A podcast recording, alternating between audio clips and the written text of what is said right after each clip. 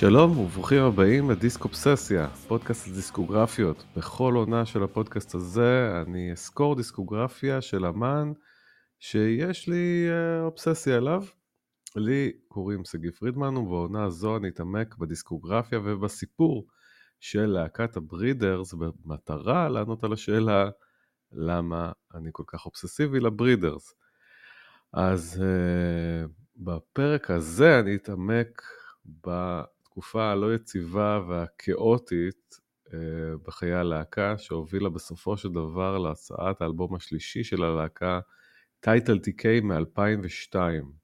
אז אה, תשע שנים עברו מאז הוצאת האלבום השני, Last Splash, ואני אנסה ככה להבין מה עבר על קים דיל בתקופה הזאת ולמה לקח לה כל כך הרבה שנים להוציא את האלבום השלישי. אמ, אז אני ממליץ לשמוע את הפרקים הקודמים, כי אנחנו ממש עוצרים אה, בדיוק, אה, אנחנו ממשיכים מאיפה שעצרנו, אה, מהסוף של התקופה הקודמת, שזה אחרי קיץ 1994, הברידרס סיימו מסע הופעות עם פסטיבל לולו פלוזה, והם אחרי הרבה טורים של הופעות, אה, אחרי האלבום אה, Last Splash, תקופה מאוד יצירתית עם הרבה, הרבה אלבומים שיצאו, כולל איפים, והן אה, מותשות ולוקחות הפסקה, אבל ההפסקה הזאת יהיה לה כמה אירועים שלמעשה במידה כזאת או אחרת יפרקו את הלהקה. האירוע הרציני זה שקלי דיל, אחותה של קים דיל, הגיטריסטית בלהקה, נעצרת על ידי המשטרה על זה שהיא קיבלה בדואר חבילה שמכילה יותר משלוש גרם של הרואין. ככה זה האישום, ה... זה האישום שלה אה, במשטרה, וכן, הדבר הזה לא הפתיע את אה, חברי הלהקה. השימוש בסמים של קלי היה מוכר היה מוכר להם. מהרגע שהיא הצטרפה ללהקה, היא קיבלה מוניטין של הקית' ריצ'רדס של הלהקה.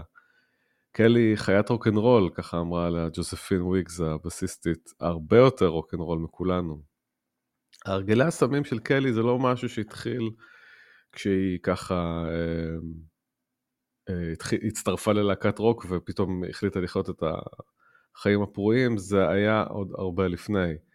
אה, היא עוד מספרת על זה שכשהיא עבדה בתור מנתחת מערכות, הייתה מגיעה לעבודה שלה במשרד עם אותם הבגדים מאתמול אחרי לילה של אקסטזי, אבל זה גם לא התחיל בעבודה שלה, זה התחיל עוד לפני מהנעורים.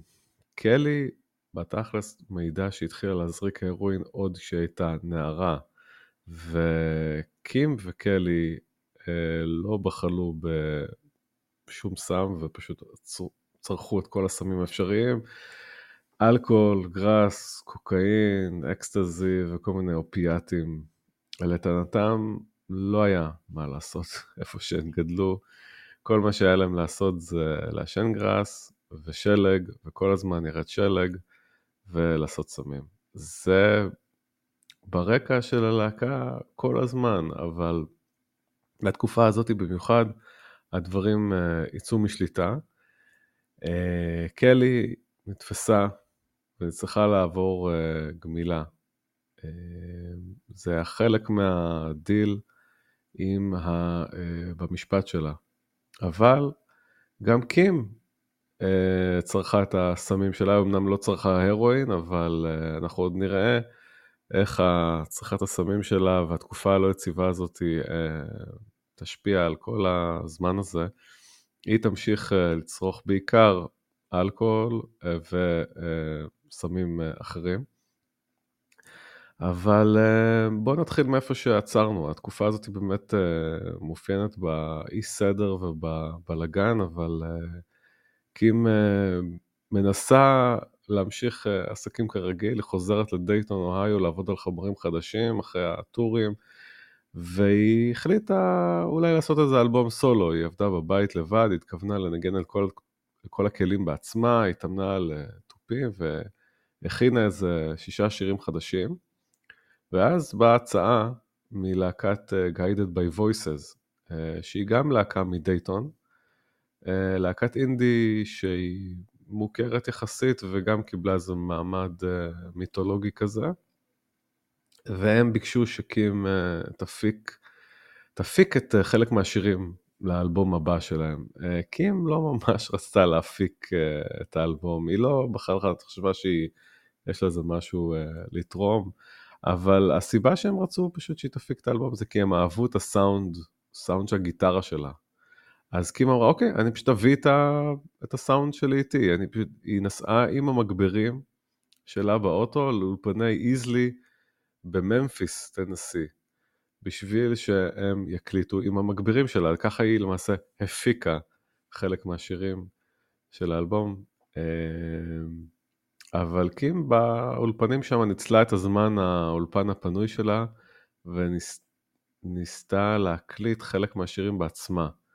אה, יחד עם קלי, שאותה היא הביאה במטרה להסיח את אה, דעתה מבעיות הסמים שלה, שנהיו אה, דבר שעכשיו ידוע לכולם, וקלי היה לה קשה להיגמל. העבודה עם קלי שינתה את דעתה של קים לגבי פרויקט סולו והחליטה לחזור לעבוד עם הרכב. היא פתאום כן רצתה לעשות להקה. כאשר היא חזרה לדייטון היא יצרה קשר עם המתופף הברידרס ג'ים מקפרסון והוא uh, שמח uh, לחזור לעבוד איתה, אבל uh, הקשר עם ג'וזפין וויגס, הבסיסטית של הברידרס, נותק. עכשיו, לא ברור למה בדיוק, אה, יש קצת חילוקי דעות לגבי מה שג'וזפין חשבה, אה, למה היא לא, לא עבדה איתה. ג'וזפין זוכרת שהיא דיברה על פרויקט סולו, שקים דיברה על פרויקט סולו, והיא הציעה את עצמה לעבודה על האלבום הבא של הברידרס שיבוא אחר כך ולא בפרויקט סולו.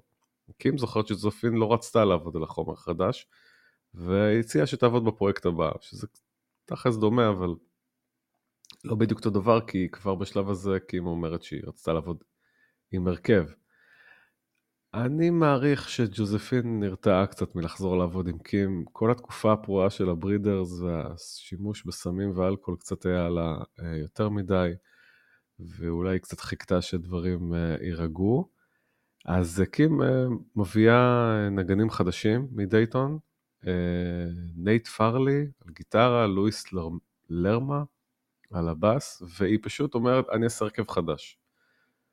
אני גם אקרא לעצמי בשם חדש. אני, היא כינתה את עצמה תמי אמפרסנד, ועל ההרכב שלה היא קראה תמי אמפרסנד and the Amps, כן? תמי אמפרסנד והמגברים.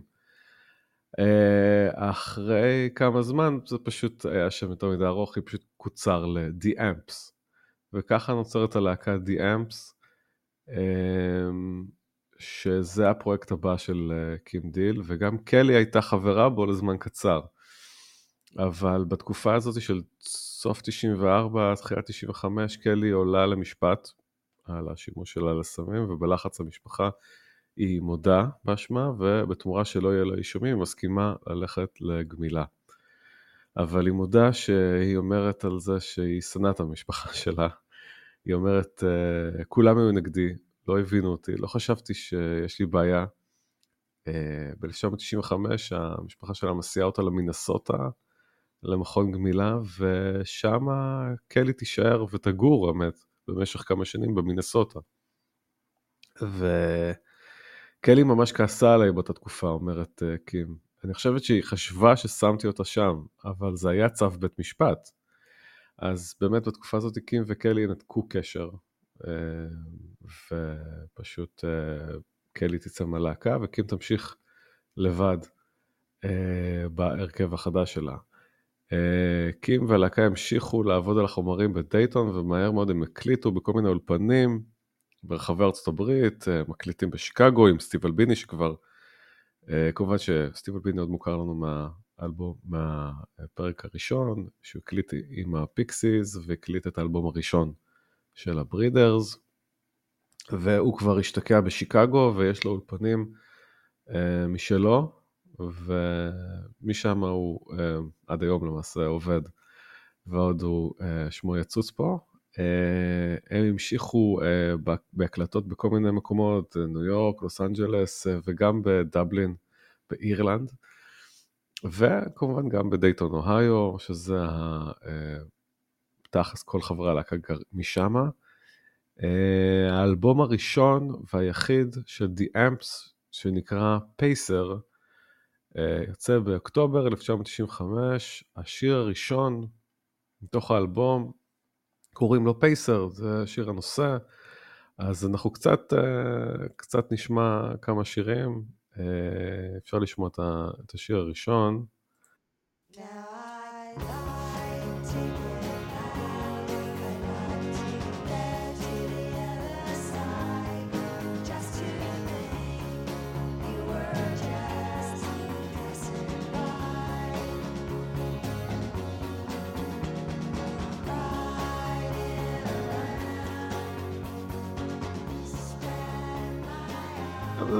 שיר חביב, האמת. אני לא מצאתי אותו מאוד מרשים. לדעתי הגרסה של הסינגל אה, יותר טובה, בעיה שאין אותה בספוטיפיי.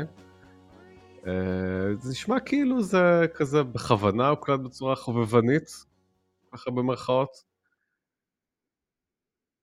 אני חושב שהסאונד של האלבום הזה הוא מאוד גראז' רוק ופשוט יחסית, משהו פשוט יותר, זה הרצון של קים באמת לחזור לאיזשהו אה, עיבודים פשוטים והפקה שהיא פשוטה ביחס לאלבום הקודם של הלאסט פלאש, שדרש הרבה עבודה ומחשבה על עיבודים וסאונדים שונים. אה, השיר השני ב... באלבום זה טיפ סיטי, זה היה הסינגל, הסינגל המוביל, אה, שהוא קצת יותר יותר uh, כיפי לדעתי, נשמע קצת.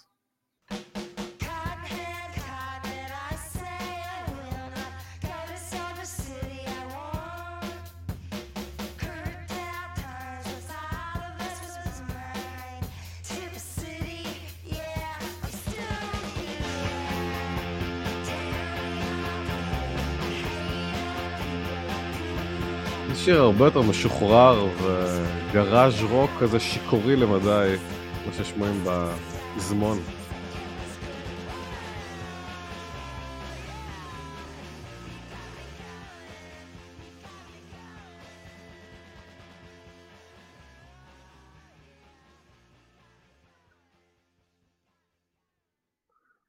כן, זה לא ספק אה, אחד השירים הכי uh, כיפים באלבום, מאוד uh, שיכור כזה ומשוחרר ומעביר את ה vibe התכלס גם של ההופעות הדי פסיכיות שאנחנו נדבר עליהן בהמשך. השיר הבא הוא ככה חיבור של שני שירים, קוראים לו I am decided.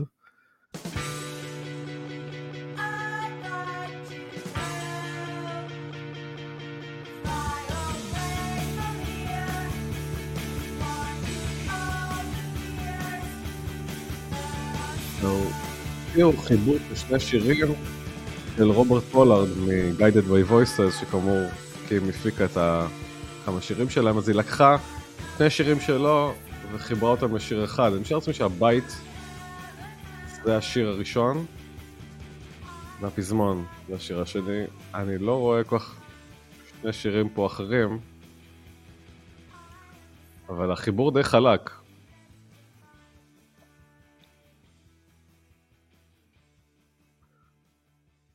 טוב, בגדול, האלבום אה, ככה הוא ממשיך. אה, העיבודים די סטנדרטיים, הסאונד הוא תכלס פשוט חוץ מהסאונד של השירה, שקים אומרת שהיא מאוד uh, התעמקה בו ועשתה כל מיני ניסיונות, אז באמת יש uh, שירה כזאת לפעמים מעורפלת, uh, והסאונד באופן כללי הוא כאילו לא מהוקצע. סאונד שירי, נשמע כמו אלבום רוק גראז' כזה, הוא כן, יש לו כל מיני uh, שירים מיוחדים, שאני ככה, שעלו לי וקפצו לי למשל השיר uh, Hovering, שהוא שיר קצת uh, מעניין, שיר מוזר ולא סטנדרטי, תופים כאילו נשמעים כאילו מנוגנים על ידי מתופף שלא יודע לנגן, יוצא מהטמפו והוא כזה לא יציב, מעניין אם זה ג'י מקפירסון ניגן את זה, או שזה קים דיל. זה אני לא יודע.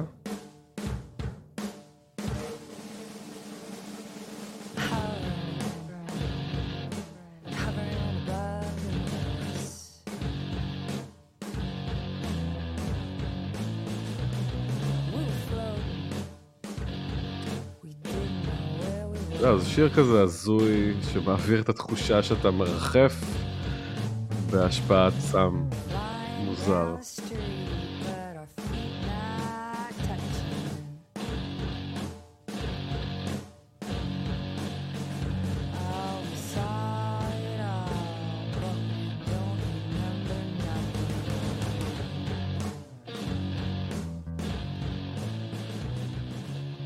זהו, אז השיר הזה כבר יצא כבי סייד ל Divine Hammer.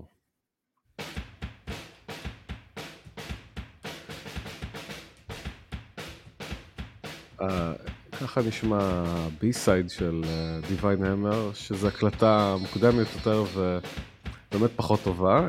שוב פעם קים דיל מקליטה מחדש אה, שירים שכבר היא הוציאה ועושה להם גרסה קצת יותר טובה, אז פה באמת אה, פחות, אה, פחות תופסת נראה לי את ה vibe שהיא רצתה להעביר, יוצא קצת אה, יותר מדי מחופף. עוד שיר מעניין מהאלבום הזה זה השיר Breaking the, Breaking the Split Screen Barrier, אחד השירים הבאמת... מעניינים והזויים.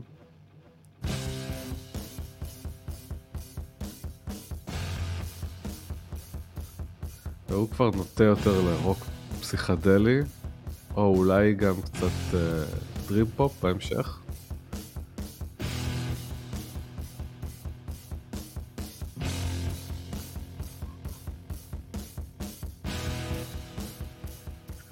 טוב, אני אדלג טיפה קדימה.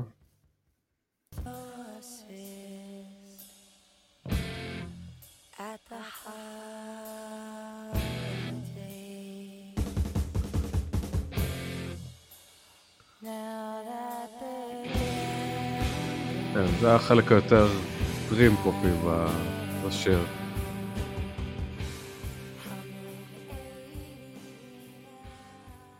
טוב, אז uh, בסופו של דבר האלבום הזה ככה התקבל בביקורות uh, חלוקות. Uh, חלק מהמבקרים אהבו אותו, אבל חלק די קטלו אותו. מה שבטוח בהשוואה לאלבום הקודם, לספלאש, האלבום תכלס נתפס כאכזבה מסחרית, הוא ממש לא זוכה להצלחה הגדולה של הציפו בחברת התקליטים, אה, דווח שהם אה, בנו על, ה, על השם של קים דיל בגלל ההצלחה של אה, הברידרס והדפיסו 300 אלף עותקים, בפועל נמכרו רק 25 אלף, אז מסחרית הלהקה הזאת לא הייתה הצלחה גדולה. אמ, האלבום טוב, אני חייב להגיד, אלבום מאוד נחמד, אבל אמ, כן מאכזב לעומת לסט uh, פלאש, פשוט מדי. Uh, יש בו כמה שירים נחמדים, אבל uh, לא יותר מזה, ככה הדגשתי את הדברים שאהבתי uh, במיוחד, וגם היה לי קצת מה להגיד עליהם. זהו, אבל, אבל בתור להקה, להקה מופיעה לא מעט, קים דיל טיילה איתם בסיבובי הופעות מסוף 95, שזה השנה שיוצא האלבום, עד אורך 96, מסעי הופעות uh, שמחממים את סוניק יות', והפו פייטרס, uh, במסעי ההופעות האלה, עם The Amps התחילו בעיות השתייה של קים דיל. את אותותיה, uh, היה מקרה שקים פשוט קיבלה blackout באמצע ההופעה מרוב שתייה ולא הצליחה לשיר, או בהופעה אחרת uh, באירלנד. היא זרקה את התוף בס של uh, המתופף ג'ים לקהל, בניגוד לרצונו, כן? וקים לא זוכרת את זה בכלל, עקב השתייה המרובה. אז, אז באמת, הסמים של קים uh, הם בעיקר בירה וגראס, אבל יהיו גם תקופות של uh, קוקאין. Uh, לטענתה, היא לעולם לא הייתה שיכורה או מסטולית בזמן הופעות או הקלטות של הפיקסיס. והברידרס. השימוש המסיבי בהופעות ובמהלך הקלטות התחילו בתקופה של The Amps מאיזושהי סיבה. שם היא באמת קצת איבדה את זה, והיא מתחה את הגבול עם חברי הלהקה החדשים שלה. אז זהו, ב-The Amps היו הצלחה מינורית בהופעות, והיה להם תכלס כמובן מגוון דל של שירים, כי היה להם רק אלבום אחד, וקים רצתה אה, לנגן גם את השירים שלה מהברידרס בהופעות, אז מתוך בהתחלה כבוד לקלי ולג'וזפין שלא היו בלהקה, היא לא מנגנת את השירים של הברידרס, קים עדיין חיכתה להן שהם אה, יחזרו לעבוד איתה, או יחזרו לפחות להופיע איתה, והם uh, יוכלו להמשיך להופיע כברידרס, אבל uh, באותה תקופה באמת קלי לא דיברה איתה. קלי גרה במינסוטה, ורצתה להתרחק מסמים או מאלכוהול בכלל, ולכן היא לא רצתה, ידעה מה אחותה עושה, והיא לא רצתה להיות בקשר עם אחותה בגלל הדבר הזה. Uh, ג'וזפין הודיעה רשמית שהיא לא חוזרת לברידרס, היא הרגישה שדברים ככה יצאו משליטה, והעדיפה להיזהר, וכל אחת uh, פונה לפרויקט סולו, אה, בזמן, אה, ב-96, בזמן אה, מופיעה עם The Amps, אז קלי מקימה הרכב במינסוטה שקוראים לו The Kelly Deal 6000, ומוציאה איתם שני אלבומים בלייבל גם שהיא הקימה, שקוראים לו Nice. אז נגיד, דוגמה זה השיר קניון מהאלבום הראשון שלהם, שהוא מאוד 90's, אני חייב להגיד.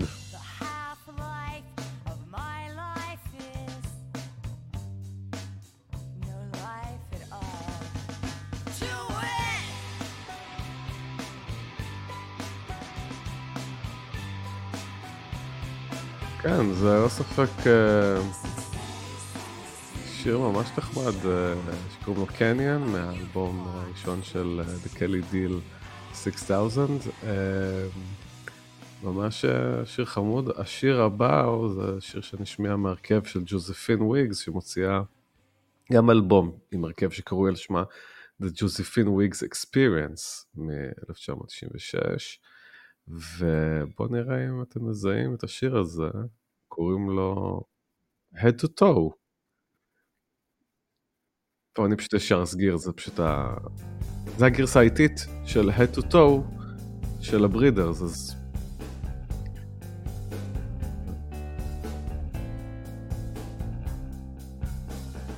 אם אתם זוכרים בפרק הקודם, הם הוציאו איפי שקוראים לו Head to Toe עם גרסת הארדקור פאנק לשיר הזה. זה שיר שג'וזפין וויגס כתבה במקור. והציעה דווקא של חברה שלה לעשות אותו שיר הארדקור פאנק, אבל פה היא מקליטה אותו בגרסה האיטית כנראה המקורית. וגרסה מעניינת ובאמת אה, שונה לחלוטין ממה ששמענו על ידי הברידרס. אה, אחרי שנתיים ש... תכלס קים חיכתה לקים ולקלי וג'וזפין שיחזרו uh, להופיע איתה, uh, היא פשוט ממשיכה הלאה, uh, וקים מעדיפה בשביל לא לגרום לבלבול של הקהל, לחזור להופיע תחת השם הברידרס. וככה היא יכולה לשלב את השירים של uh, The Amps ושל הברידרס בהופעות. היא גם ממשיכה להופיע עם אותו הרכב של The Amps בתכלס, אותו הרכב של דיאמס רק היא מוסיפה uh, את קרי ברדלי הכנ... הכנרת, הכנרית, עכשיו לא אומרים את זה, הכנרת שהתארחה באלבומים של הברידרס, אז היא מוסיפה אותה להרכב, זה אותו הרכב כמו של דיאמס, ופשוט קוראים לו הברידרס, אז נראה לי שבשלב הזה, קים מבינה שלמעשה היא הברידרס, כאילו, היא החברה היחידה שנשארה, שהיא החברה היחידה שנשארה מהמקור, היא כותבת את כל השירים. Uh, השם של הברידרס יותר מוכר מאשר של אמס, ובסופו של דבר אמס היו תכלס כישלון מסחרי. הברידרס זה הדבר הכי גדול שהיא הקימה, והיא מעדיפה פשוט uh, לעבוד בתור להקה באופן כללי. Uh, היא לא אוהבת, היא חשבה, היא תמיד חושבת להיות אמנית סולו, אבל היא מאוד אוהבת להיות בהרכב ולהיות מתחת לאיזשהו שם של להקה. והיא יכולה פשוט להקים את הברידרס עם איזה נגנים שהיא רוצה, בסופו של דבר. על מה שמעלה את השאלה, האם בתכלס האלבום פייסר של The Amps יכול להיחשב לאלבום השלישי של הברידרס? זה, אולי זה באמת סתם צירוף מקרים היסטורי שהאלבום הזה לא נכלל בדיסקוגרפיה של הברידרס, אבל הוא בדיעבד לגמרי יכול היה להיות, אם קים דיל הייתה אומרת, לא, זה, זה הברידרס, זה פשוט הברידרס החדשים, ואני מקליטה את השירים שלי עם הברידרס החדשים, אבל זה לא, אה, זה הרכב אחר שקוראים לו The Amps, אבל כמו, כמו שאתם רואים, יש בו הרבה קווי השקה, אז זה מין uh, להקת בת של הברידרס. כן, אבל לאחר מסע הופעות uh, עם הברידרס החדשים ב-97, קים חוזרת לעבוד על אלבום חדש של הברידרס, אבל שם באמת, uh, אם מסע הופעות היה השתבש uh, יחסית עם כל מיני שטויות שקים דיל uh, עשתה, ההקלטות לגמרי משתבשות. אז היא קודם כל מתחילה להקליט בניו יורק, אה, באולפנים, אבל היא עוזבת את האולפן אחרי שהיא לא מרוצה מסאונד התופים שם, אז היא עוברת לאולפן אחר בניו יורק, יש הרבה אולפנים בניו יורק, שם היא עובדת אה, יום שלם רק על איך שהיא רוצה שיישמע ה click track. click track זה, זה מה שמשמיעים לנגנים, אה, משמיעים לנגנים איזשהו מטרונום, קצב, שפשוט uh, עוזר להם לנגן בקצב, אז היא עבדה יום שלם על זה. ככה קים עוברת עם הלהקה אולפן אחרי אולפן ולא יוצא שום דבר. מרק פריגארד, שהפיק עם קים את uh, Last Splash, הוא גם עבד איתה. הוא מספר, קים הייתה עבודה לגמרי. Uh, היא לקחה חומרים ולא רצתה ללכת לישון. אבל היא, היא לא נתנה גם למוזיקאים אחרים לנגן. נאלצתי לוותר עליה. זה מה שהוא אומר, אז באמת, הנגנים בסופו של דבר מתחילים לעזוב בגלל כל הדברים שקורים במהלך ההקלטות הדי מבולגנות האלה. באחד הסשנים היא פשוט נעלמת, אה, ובזמן שהלהקה ישבה שבוע באולפן, הדרישות של ההתנהגות שלה, של קים, הייתה בלתי נסבלת, היה לו דרישות אה, בלתי אפשריות בנגנים. המוזיקאים שהתחילו, אה, שליוו את ההקלטות, אה, התחילו לעזוב פשוט ההרכב, אה, וגם הנגנים המחליפים שלהם התחילו לעזוב, וגם המפיקים של הפרויקט התחילו לעזוב. ג'י מקפירסון, שהייתה בברידרס ובלאסט פלאש וב-D אמפס, גם הוא עוזב אותה, הרגיש שאין לו לו מקום בלהקה. הוא, uh, הוא יחבור ללהקה המתחרה מדייטון, Guided by Voices, והוא בכלל, למעשה גם פה הוא ינתק קשר עם קים. הערכות הן שבוזבז על ההקלטות האלה ב-97 340 אלף דולר על זמן אולפן, הובלות ציוד ועלויות לינה לנגנים. באחד הסשנים, כאשר היא לא הייתה מרוצה שוב מהטיפוף של המתופפים, אחד המתופפים המקצועיים ש... שהיו שם בסשן, אז המתופף פשוט אמר, אולי את תלכי הביתה ותלמדי את לנגן בתופים. ובתכל'ס זה בדיוק מה שהיא עשתה. בסופו של דבר, אחרי שכל ההקלטות uh, קרסו, וכבר uh, לא נשאר שום דבר, אז היא חזרה הביתה לדייטון, אבל במטרה כמובן ללמוד נגן תופים ולנגן את זה בעצמה. היא גילתה שג'ים uh, לקח חזרה את התופים שלו מהמרתף שלה והשאיר אותה בלי תופים. Uh, כן, ב-98, תכלס 98 זה שנה שלא קרה בה כלום. Uh, מבחינת הברידרס ומבחינת קים דיל, לא הופעות, לא הקלטות. היא מספרת ש-98 הייתה שנה אבודה, אבל נורא כיפית גם. מ-1987 אני במסעי הופעות בלי הפסקה. אה, אז מה, מה הדבר הכי שיכול, אה, הכי גרוע שיכול לקרות? זה מה שהיא אומרת. אה, זה עזר לה שהיא קיבלה הרבה כסף מההצלחה של הלהיט Firestarter של ה Prodigy שדיברנו עליו בפרק הקודם, שהוא לקח את ה... עשה סימפול מהשיר SOS, מהשיר האינסטרומנטלי הקטן SOS מ-Last Splash, ובגלל הסימפול הזה היא קיבלה תמלוגים, שבגלל שהשיר הזה הוא היה להיט היסטרי, אה, כנראה שקיבלה לא מעט תמלוגים. מצד שני, בתקופה הזאת אה, קלי חוזרת לדייטון, והקשר עם האחיות אה, מחודש, והן לפחות מנסות לעבוד ביחד. ב-99 היא באמת חוזרת להקליט, הפעם רק עם קלי. שתיהן נוסעות לשיקגו, לאולפן הקלטות של סטיב אלביני, ומקליטות שם שלוש שירים, שכן, הם שלוש שירים שייכנסו סוף סוף לאלבום הבא של הברידרס, אבל רק שלושה שירים, וההקלטות הולכות, אה, מה שנקרא, לאט, אבל בטוח. כי היא מתופפת בהקלטות בעצמה, אחר שלימדה את עצמה לתופף, כמו שהיא קיבלה עצה, והיא פשוט אמרה, אוקיי, אם אף אחד אחר לא יכול לתופף את קטע שתקעו לי בראש, אז אני אה, אלמד לתופף אותו. אה, אז היא מנגנת באמת ברוב השירים, וקלי תרמה אה, קולות וקצת קטעי גיטרה ובאס. סטיב אלביני מספר שהסשנים היו איטיים, היא עדיין לא הייתה נקייה, והיא בעצם בנתה את עצמה מחדש הרבה חלקים בחייה בו זמנית. כן, זו תקופה שהיא קצת איבדה את זה.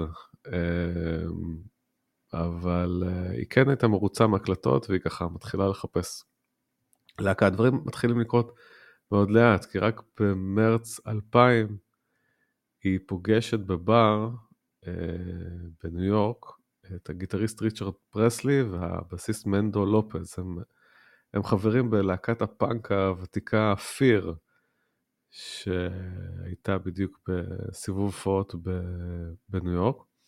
אז הפגישה המקרית הזאת בסופו של דבר מובילה ל jam session שנמשך עד הבוקר, וקים אה, ממש אה, נדלקה על החבר'ה והיא אה, רצה להמשיך לנגן איתם, אבל הם גרים בלוס אנג'לס. אז לאחר כמה חודשים היא מחליטה לעבור בעצמה למזרח לוס אנג'לס. שם היא פשוט תעבור לגור, וגם קלי תעבור לגור איתה במזרח לוס אנג'לס, והם שם למעשה מקימים את הברידרס מחדש, הם מצרפים את המתופף אה, חוזה מדלס, שריצ'רד ומנדו אה, מכירים, והם מתחילים בחזרות לעבוד על השירים החדשים של הברידרס, כאשר ב-2001 הם אה, חוזרים להקליט עם סטיב אלביני בשיקגו, ובאמת רוב האלבום הוקלט בסשן הזה, כאשר עוד שני שירים הוקלטו גם באיזה אולפן בלוס אנג'לס, ובהקלטות אה, קים מאמצת אה, פילוסופיה בנוגע להקלטות שקוראים לה אה, All Wave. אז הרעיון של הפילוסופיה הזאת, אפשר להגיד, הוא שיש לבצע את ההקלטות, את המיקס, את המאסטרינג, הכל בצורה אנלוגית לחלוטין, ללא מניפולציה דיגיטלית. שכבר בשלב הזה, כבר בתחילת שנות האלפיים, נהייתה יותר ויותר נפוצה. אה, הכל מוקלט למחשב, עושים מיקס על המחשב אולי, ומעבירים הכל אה, דיגיטלי, ומבחינתה זה פשוט תועבה. אה, היא הרגישה שלטענתה הגישה זה היה תגובה באמת להכל שהכל נשמע כל כך ישר ונקי ברוב האלבומים. ההפקה הדיגיטלית התפשטה באולפני הקלטות כמו קרק וכולם עשו שכבות צפופות של הכל וגרמו לקלידים להישמע כמו גיטרות ואני ממש מגיבה לזה, זה מה שהיא אומרת. אמ, והיא תמשיך, תמשיך להתנגד להקלטות דיגיטליות אה, עוד הרבה שנים. עד שבסופו של דבר היא תיכנע, אבל uh, היא תמשיך uh, לרצות שכל התהליך מההתחלה ועד הסוף יהיה אנלוגי, uh, עד למעשה שהתקליט, ממש תקליט, uh, התקליט uh, מודפס, uh, ומבחינתה צריך לשמוע את הכל בפורמט אנלוגי. אז לקח תשע שנים מאז אלבום הקודם של לספס ושבע שנים מאז אלבום של The Amps, אבל uh, ב-2002, ב-21 למאי יוצא האלבום טייטל TK, um, שזה הכותרת זה למעשה מין כינוי uh, סלנגי של עיתונות שאומר uh, title to come, למרות ש-come זה עם C, אז לא כל כך הבנתי למה קוראים לזה title TK, אבל uh, כותרת זמנית, מה שנקרא. Uh, איזושהי תקופה זמנית. כן, אז uh, הסאונד של האלבום זה באמת סאונד פשוט יותר, נקי, בלי אפקטים, והעיבודים הם גם מינימליסטיים, ובכלל הגישה uh, הניסיונית של האלבום הקודם מבחינת סאונד uh, הוחלפה לגמרי בגישה פחות ניסיונית, אבל הניסיוניות היא כן במינימליזם של השירים, שהם יכולים להיות uh, באמת לפעמים די פשוטים, אבל יש בהם משהו טיפה שונה ומעניין, אנחנו קצת נעבור על רוב השירים. ואנחנו נראה את זה, השיר הראשון, קוראים לו ליטל פרי, ואני חושב שהוא באמת מסכם את, ה, את הסאונד של האלבום באופן כללי.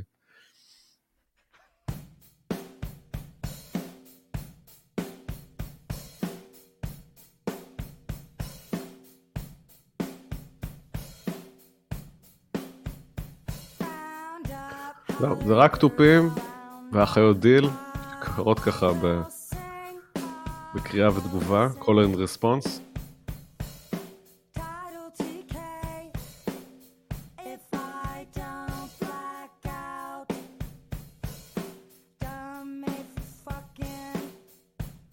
כמובן שומעים את הקולות של שניהם ביחד.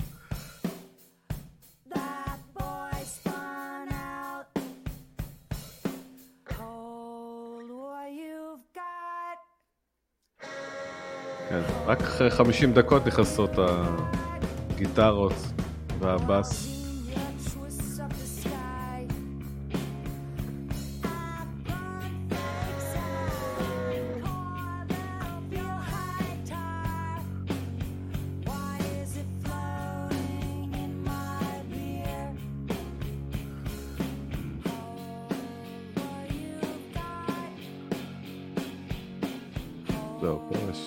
קטע מעבר נהדר עם בס כזה מתפתל.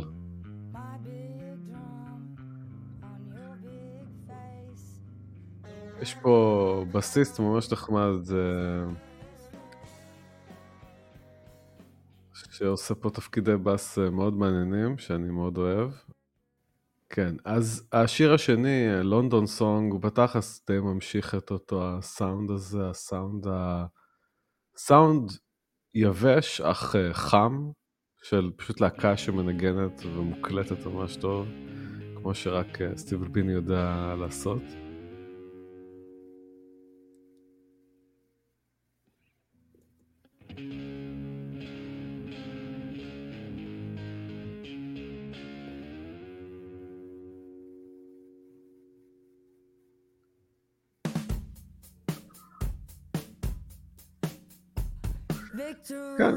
זה שיר, אה, שיר נחמד, מה שמיוחד בו אולי זה שיש לו כאלה סיומים, אה, סיומים מדומים, שככה עושים אותו, פתאום אה, אתה חושב שזה נגמר.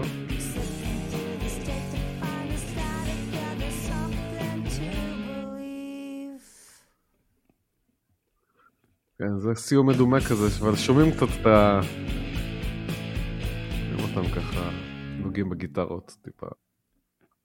כן. זה פעם משחקים קטנים עם העיבודים, דברים שהיא מכניסה, רק בשביל שיהיה שיר אה, יותר מעניין.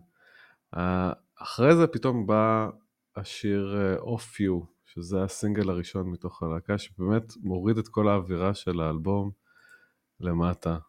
אה, שיר, אני חושב, יוצא דופן. יוצא דופן מהשירים שה Breeders הוציאו עד אותה תקופה. אה, מציג צד אחר לגמרי של הלהקה ש... של קים דיל שלא, שלא הכרנו. שיר באמת אה, נוגע ללב, ממש עצוב וכנה וחשוף, למרות שכרגיל מילולית קשה להבין בדיוק למה היא מתכוונת. מוזיקלית הכלים הבסיסיים פה הם הגיטרה שלה המעומעמת ושפתאום מבליח איזשהו צליל של סינתסייזר מוזר שבא להדגיש את השורה הזאת I'm going strange but אבל מאז הוא לא חוזר שזה דווקא ממש מוזר כי זה שיר די כמו כל האלבום די פשוט מבחינת העיבוד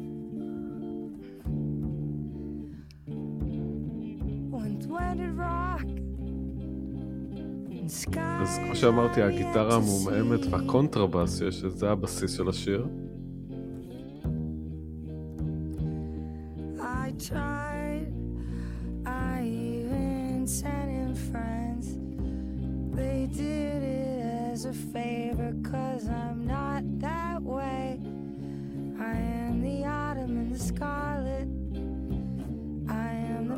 המילים לא, לא הכי ברורות, אבל האווירה לדעתי זה אווירה של אה, דיכאון. עובר כלוא בו.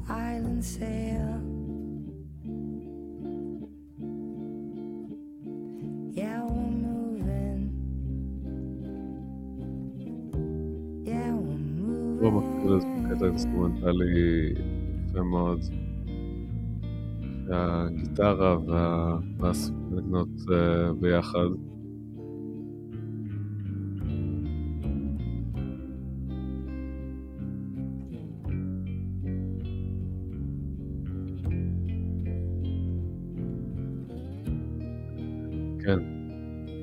הקטעים היפים בשיר ובאלבום בכלל. אה, במיוחד, גם אני מאוד אוהב את הקטע האינסטרומנטלי הזה באמצע, שהוא באמת אה, אה, פשוט יפהפה, פשוט, פשוט נוגע ללב. באמת אחד הקטעים שבהתחלה לא, לא כך הערכתי אצל Breeders, לא הבנתי מה, למה הם כל כך...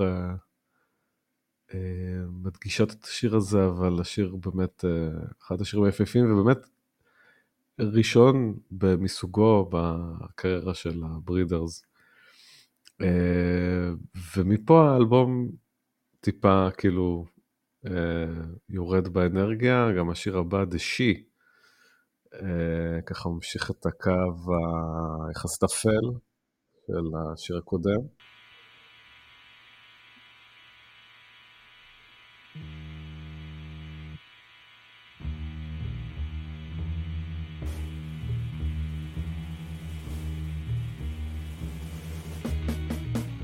יש לי בסאונד שלו מזכיר קצת סטריאו עולה בגלל האורגן הזה, האורגן האנלוגי.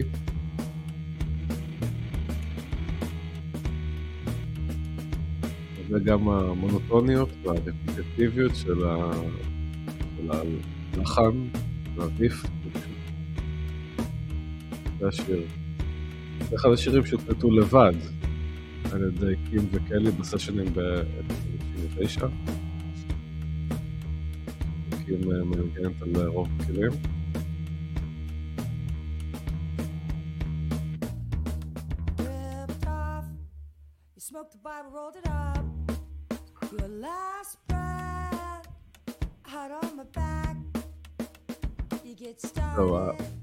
השיר באמת אה, מראה את הניסיוניות של אה, קים דיל, אבל בצורה הפוכה של אה, משהו שהוא אה, רפיטטיבי ומונוטוני, חוזר על עצמו וקצת יותר אה, משהו יותר פשוט למעשה.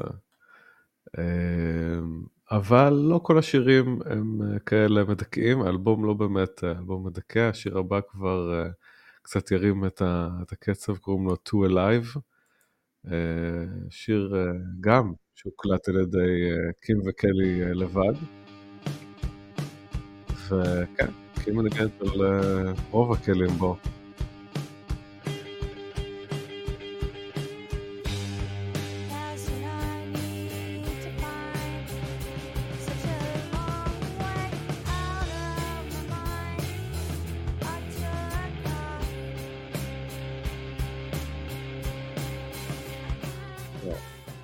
השיר הבא זה למעשה הסינגל, ה...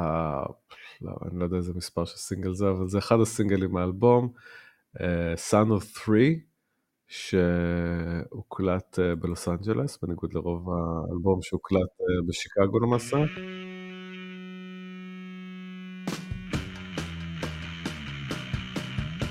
אחד השירים הקליטים והכיפים באלבום. אז לשירים הקודמים הוא די מהיר, אבל מצד שני, הם... השיר הזה יצא כסינגל, אבל הם החליטו שוב פעם להקליט מחדש את השיר, אחרי שכבר האלבום יצא, גרסה עוד יותר מהירה מזה, זה הגרסת הסינגל של Son of Three. יצא גם עם קליפ.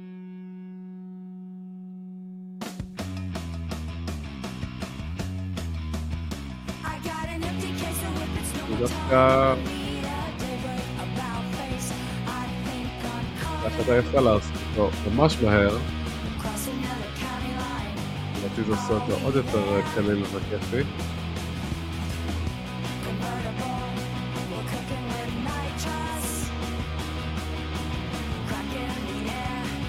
זהו, אז בסינגל הזה, כ B-side, הן מנגנות את נעימת הפתיחה של הסדרה באפי ציידת הערפדים, שהאחיות דיל תכלס היו ממש מעריצות שלה. באותה תקופה הם כל כך אהבו את הסדרה, שהם התקשרו למנהל המוזיקלי של הסדרה, בבקשה להשתתף בה. אז באמת, ב... באחד הפרקים, בעונה האחרונה, הם היו הלהקה שמופיעה במועדון, והם ניגנו את השיר Son of Three, וגם את ליטל פרי במועדון.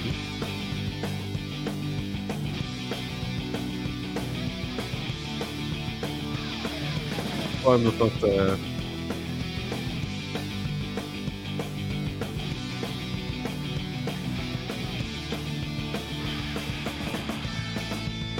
פה הם עושות הומאז' לסדרה שהן כל כך אוהבות בבי-סייד לסונוס 3.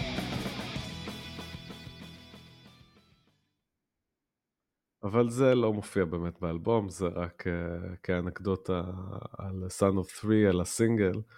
השיר הבא uh, זה שיר שכבר uh, יצא, שוב פעם בעבר, הם שוב פעם מקליטות שיר שכבר יצא בעבר, זה שיר שקוראים לו Full on Idol, שיצא למעשה באלבום של The Amps, ב-95.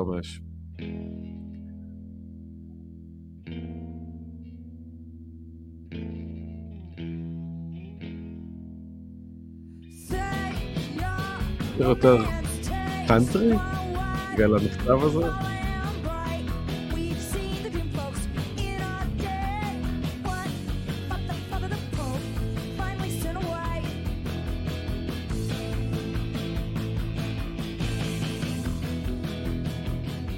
אבל בניגוד ל... נגיד לזה שהם הקליטו מחדש את of Three, או את Hovering ששמענו קודם, פה אין הרבה הבדל בגרסה של Amps, זה, זה, אני אשמיע עכשיו את הגרסה של, של Amps, נפתח אותו דבר, אני חושב שהדבר היחיד זה שאולי זה מוקלט פחות טוב.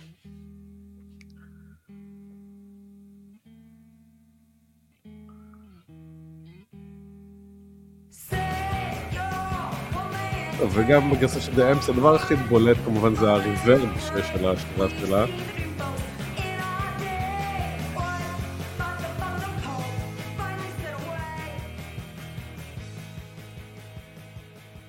אבל מבחינת העיבוד ומבחינת השיר עצמו אין, אין כמעט הבדל, זה באמת אה, אה, ניואנסים שלא ברור לי כל כך למה קים אה, ממשיכה להקליט מחדש אה, שירים, אבל זה מה שהיא אוהבת. Uh, השיר שיבוא אחרי זה, אחד השירים, זה אחד השירים ה... uh, הקלילים, יבוא שיר, אחד השירים היותר אפלים באלבום שקוראים לו Sinister Foxx, עם שתי X.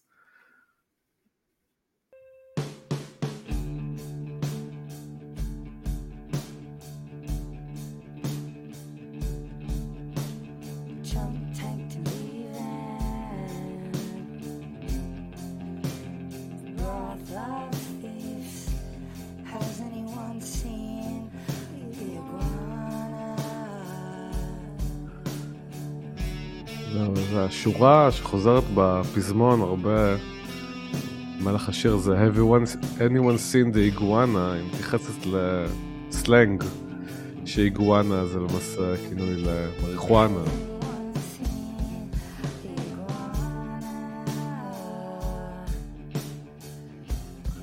אז על השיר, כי היא מספרת שקנית פעם שקית גרס, אתה נכנס ולסוחר סמים יש טרריום ריק, כן? טרריום זה, ידעתי, בכלל זכוכית אטום שמכיל בתוכו אדמה וצמחים, למשל קנאביס.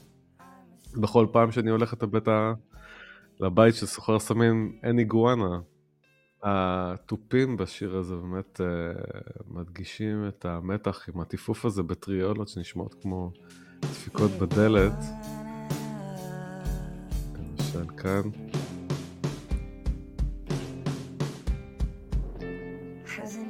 לפעמים גם מדגישים אותם עם דיליי uh, כזה קצר, שזה נשמע ממש כמו, אולי כמו דפיקות בדלת או כמו יריות. כן. Uh, גם השיר הבא, Force to Drive, הוקלט ב-1999 עם uh, לדקים בלבד.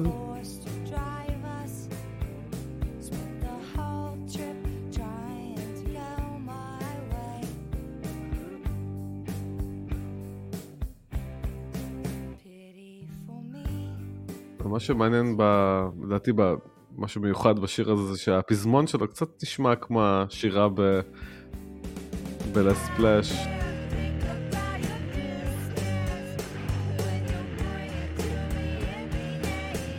באמת מזכיר קצת את השירה מלאת ה distortion של, אה, של Cannonball מ Last Splash ובסוף האלבום יש לנו איזושהי אה, הפתעה קטנה הייתי אומר, משהו שקצת משאיר טעם טוב, כי uh, זה לא האלבום הכי קליל, זה לא האלבום הכי קליט, אבל uh, יש לנו איזשהו בונוס כזה בסוף, יש לנו את השיר לפני האחרון, קטע אינסטרומנטלי שקוראים לו אה, TNT, שנפתח ככה.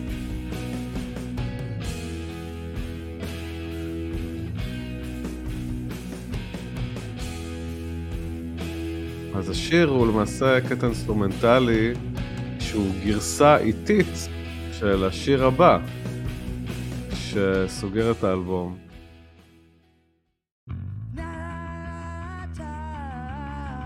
זה השיר אפר, גם הסינגל השני של האלבום. זה השורה שחוזרת בפזמון זה Toil and Trouble, שזה גם הראשי תיבות uh, של השיר הקודם, שקוראים לו T and T. זה יכול להיות גם, גם נשמע כמו TNT.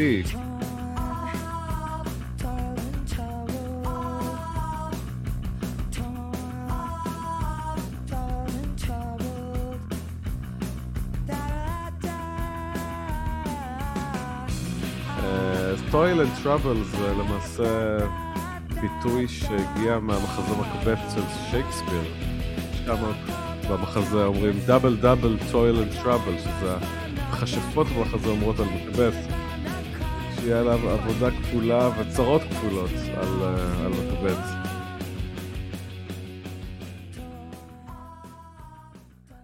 לא, אז השיר הזה באמת אה, ככה סוגר את האלבום בצורה די כיפית, למרות שזה היה אלבום לא הכי קל לעיכול ולא הכי אה, אה, כיפי. אה, אבל אה, האלבום הזה מוציא את אה, קים דיל מתקופה מאוד קשה, שהיא לא מצליחה לעשות שום דבר, והיא... כל המוזיקאים שעובד איתם עוזבים אותה, והיא לא מצליחה להרים את עצמה על הרגליים, והיא משתמשת ביותר מדי סמים, אבל היא כן, בזכות האלבום הזה נוצר קשר של חברות והערכה הדדית בין קים די לסטיב אלביני. הוא מספר על כך שטייטל TK חידש את הקשר שלי ושיקם את מערכת היחסים שלי עם קים. היא הפכה לחברה יקרה ויש לי כמות עצומה של כבוד אליה ולאסתטיקה שלה ולהתמדה שלה ולאורך כל הבולשיט שהיא ספגה. בעיניי זה, זה אלבום חשוב. אה, באמת סטיב אלביני מציין אותו כאחד האלבומים החשובים שהוא עבד עליהם. אה, בנוסף לאלבום שיוצא ב-2002, יוצא גם סרט תיעודי הולנדי, קצר, בין 40 דקות. אפשר לראות אותו ביוטיוב, קוראים לו The Real Deal, שהוא בתכלס על החיות דיל, הוא מתעד אותן, איך הן חיות בלוס אנג'לס. ומתעד הרבה ביצועים חיים של השירים של הברידרס, גם האלבום החדש וגם האלבומים הקודמים. אה, שם קים וקלי ככה די נחשפות, מדברות על, ה... על הילדות שלהם, עם המשפחה ההילבילית שלהם במערב גרמניה, על ה-OCD של, אה, שמגיע מאבא שלהם וגם מגיע אה, לאחיות האלה, וקים זה... לטענתם מתבטא במוזיקה ובאובססיה לסאונד ולעיבוד. אצל קלי זה מתבטא בדברים אחרים, כמו יותר אה, סריגה, אה, הרגל שהיא תאמץ ביותר בעקבות הגמילה ותשפצים. וקלי מדברת שם בצורה מאוד כנה על הבעיית הסמים שלה, שהיא עדיין מדי פעם נופלת להרואין, אבל משתדלת אה, לחזור ולהיות נקייה, היא לוקחת השראה מעוזי אוסבורן, אה, הסולן האגדי של בלק סבת, ששתי אחיות מאוד אוהבות את בלק סבת, היא אומרת, אה, כשעוזי נופל מהעגלה, הוא עולה עליה שוב ושוב מנסה להיגמל, ואני אוהבת את זה, כי זה אומר שאם אתה נופל זה לא, זה גורם לזה להיות בסדר. העולם, העולם לא ייגמר.